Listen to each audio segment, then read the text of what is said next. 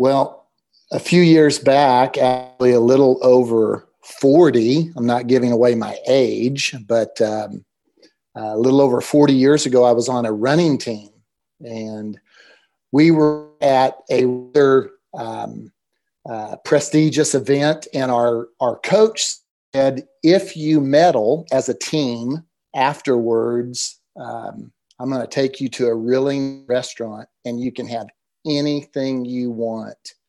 Now, every single one of the guys on the team were in between the ages of 15 and 17. And I don't know what you you hear someone telling a 15 year old that if he does something um, and, and uh, accomplishes something, he can have anything he wants to eat.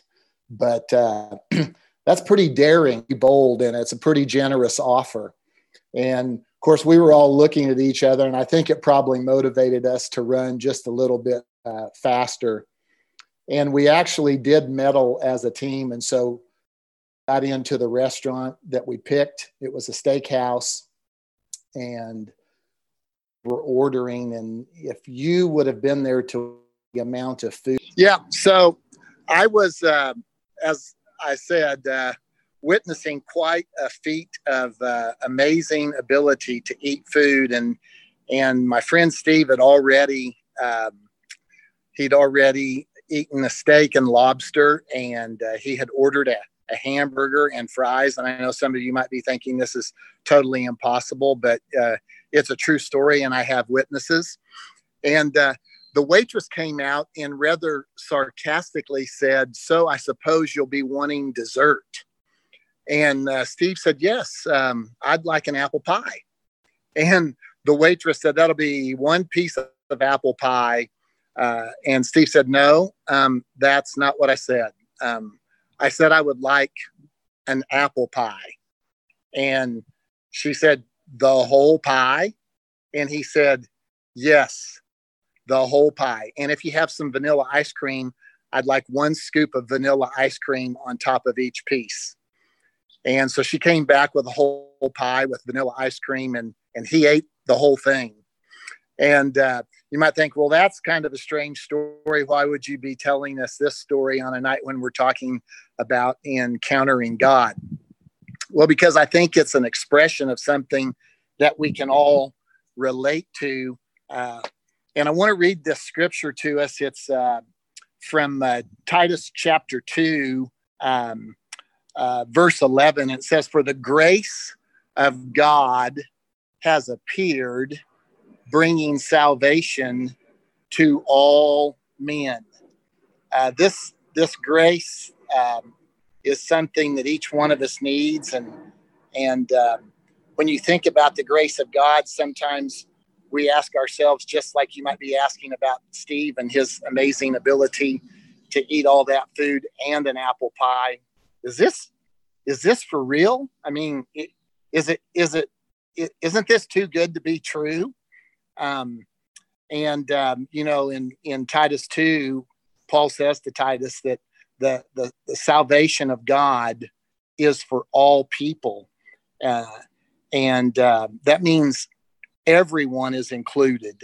Um, so important for us to understand when we talk about encountering God, the place of grace and and what grace actually means. Uh, of course, this is not a new topic for believers, uh, but it's good for us to be reminded that grace means unconditional favor, acceptance, and love. Unconditional favor, acceptance, and love. I think a lot of us are accustomed to uh, conditional favor. I think it's easy to experience conditional acceptance. I think uh, many of us have experienced conditional love. So many times when we hear about an offer of getting everything we want or everything we need, we think, uh, I don't know if that's real. I don't, I don't know if that could really happen. Um, but Paul writes to Timothy and he says, this unconditional favor, this unconditional acceptance, this unconditional love of God has appeared and it brings salvation to all men.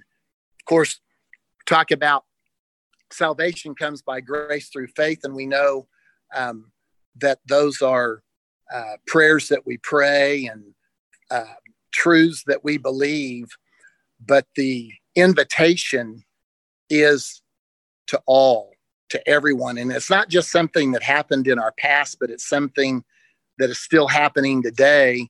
So that as we encounter God on uh, daily circumstances, in daily situations, that we uh, see His grace released in our lives. You know, I was thinking about how this applies to our lives and um, thinking about the tone of what what Paul is writing. If this were a conversation, um, when you think about tone, it's so important.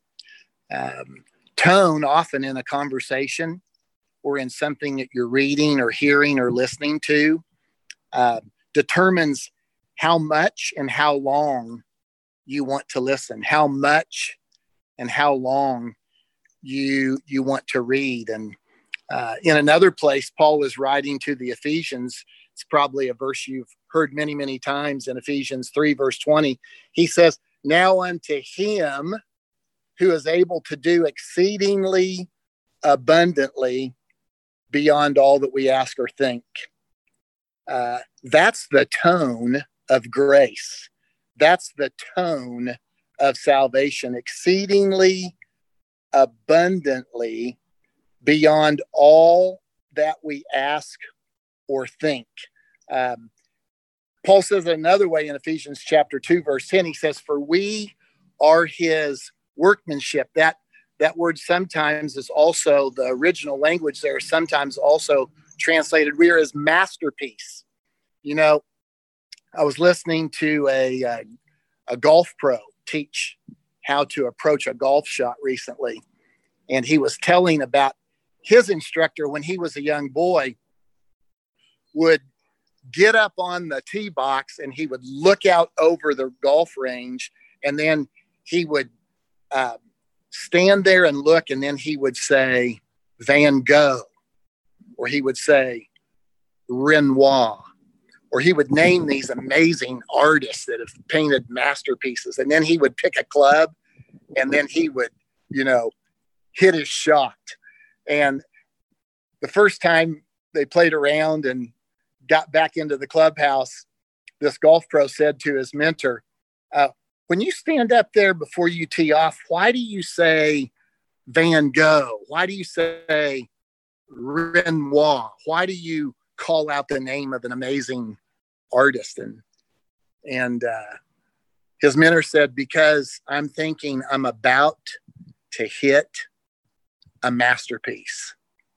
You know, sometimes the approach of which we come to life circumstances with needs to be just like that, where we're so full of the unconditional acceptance, the unconditional favor, the unconditional love of God that we're convinced that not only are we his workmanship, not only are we his masterpiece, but we're going to release that grace into the circumstance that we're facing. Here in the book of Titus, not only in verse 2, uh, chapter 2, verse 11, but in all three chapters, when Paul is writing uh, these, these instructions to Titus, he says, You're my true son in the faith, and I want you on the island of Crete, I want you to communicate the truth of this faith to every kind of person that lives on the island. He mentions mothers, he mentions fathers, he mentions leaders, he mentions people in everyday work situations in life. He mentions all kinds of things that we can all relate to. You can read the whole book, it's just three short chapters. And the one thing that is central to the whole book is how the grace of God affects every walk of life. And I believe as we encounter the Lord, He wants us to see that the possibility of the work that He's done in us and through us is the possibility for us to be those who release the same kind of work to others around us. So the, you have the tone of the conversation, and then you think, well, you know, in our world today, there, there are so many possible motives for why people do things. And uh, uh, you might wonder what what is God's motive in pouring out unconditional love, pouring out unconditional acceptance, pouring out unconditional grace to me. And how could I pour that out to others? Well, the scripture makes it really clear in, in Romans chapter 5, verse 8, that God demonstrated his love for us. In other words, he revealed his motive to us in that while we were yet sinners, he died for us. He didn't wait for us to clean ourselves up or to become acceptable or loving. He didn't wait for us to be the kind of people who were worthy of this or that favor. He said, before any interaction between you and I, I'm going to pour this out on you, which means that his motive was simply generosity and being a giving father. Another way Paul says it to the Roman church in, in Romans chapter 8, uh, verse 34, he says, And he raised us up to new life. He wanted us to have a new life. This is the expression of heaven. This is the expression of what it means. And I think really we see that first expression uh, as the Lord Himself walked with Adam and Eve in the garden before sin was in the world. And it says that in the cool of the day, He walked and He had fellowship with them. And I believe that's His His motive uh, to be with us. He wants us to be with Him.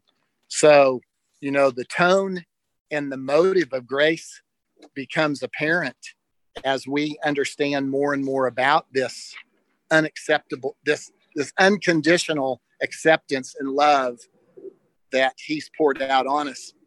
And then, you know, I don't know about you, but it seems like all over the world today, we're, you know, we want to know, well, what's the outcome going to be? I mean, especially right now with, with, with COVID 19 and the seriousness of, of the events that have happened around the world as a result of this virus, we're, we're all thinking about outcome. What's next? What what um, is going to happen in our world today? And and i think there's that reality but i think um, god has made you and i masterpieces for a reason so that in times like this as everybody's wondering what's the outcome of what's happening around us going to be we have an opportunity to express outcomes that are the result of this unconditional acceptance, this unconditional favor and grace. First of all, there's the outcome of hope for the future, which lies in our salvation, which means we can be assured according to John 3 15. We all know John 3 16, but John 3 15 says that they have eternal life. We can be assured that we have eternal life. Heaven is not just some idea, not just some philosophy.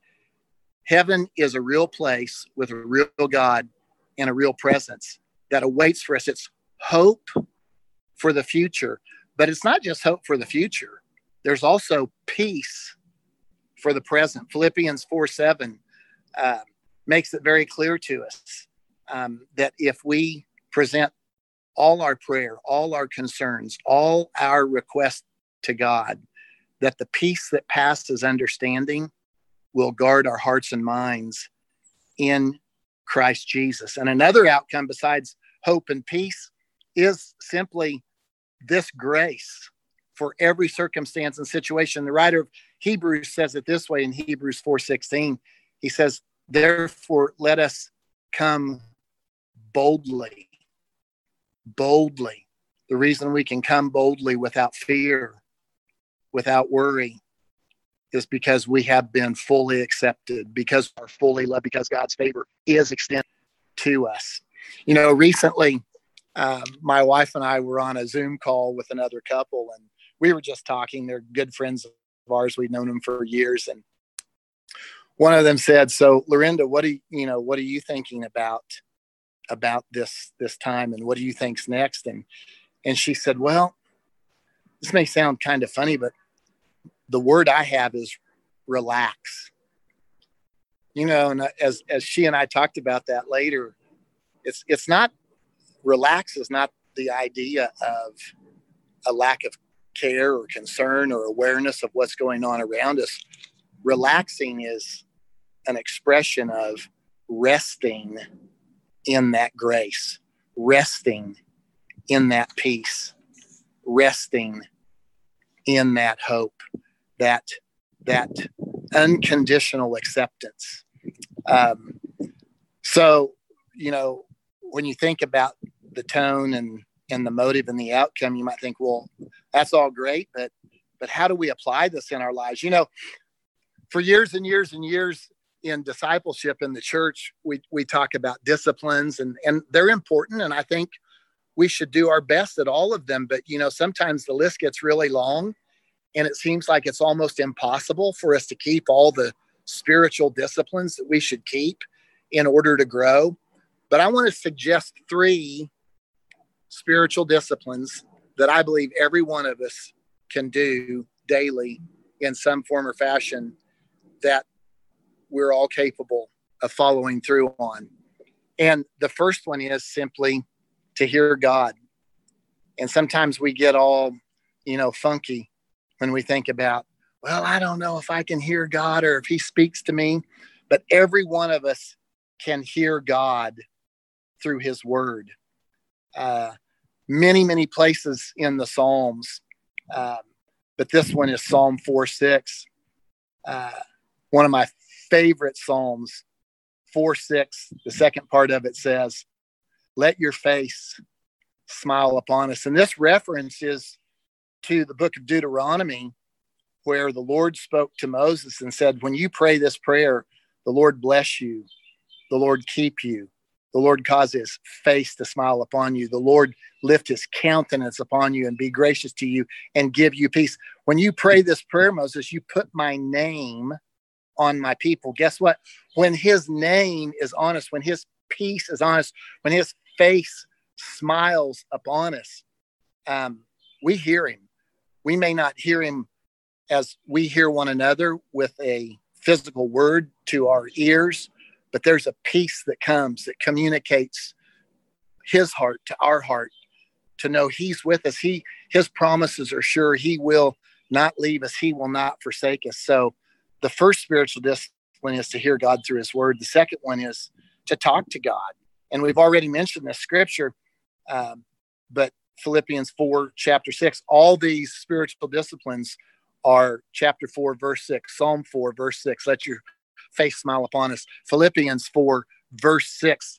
With all prayer and all requests, let all your need be known to the Lord. In other words, talk to God. Say, well, how do I do that? I mean, well, just like we already did tonight, we speak with an awareness that He's listening and that he cares and that when he hears us, he will answer.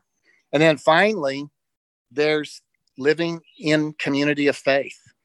And I commend I commend you for uh, the way in which you're living in community of faith there in Turku at, at Metsku because obviously you haven't let this unprecedented time and these unprecedented situations keep you from coming together to worship, to pray, and encourage one another. Actually, this evening, we've all practiced these three spiritual disciplines.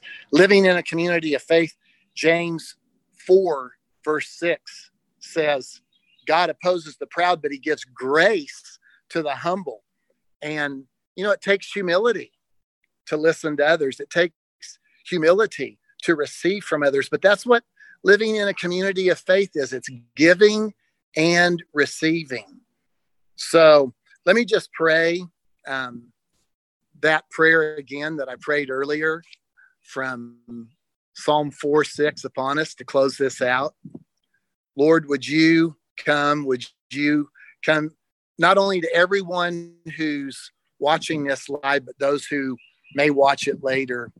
Would you cause your face to shine upon us? Would you be gracious to us? Would you lift up your unconditional love, mercy, peace, and countenance upon us?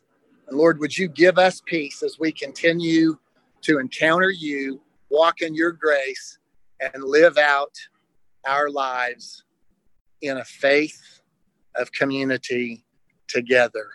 In Jesus' name, amen.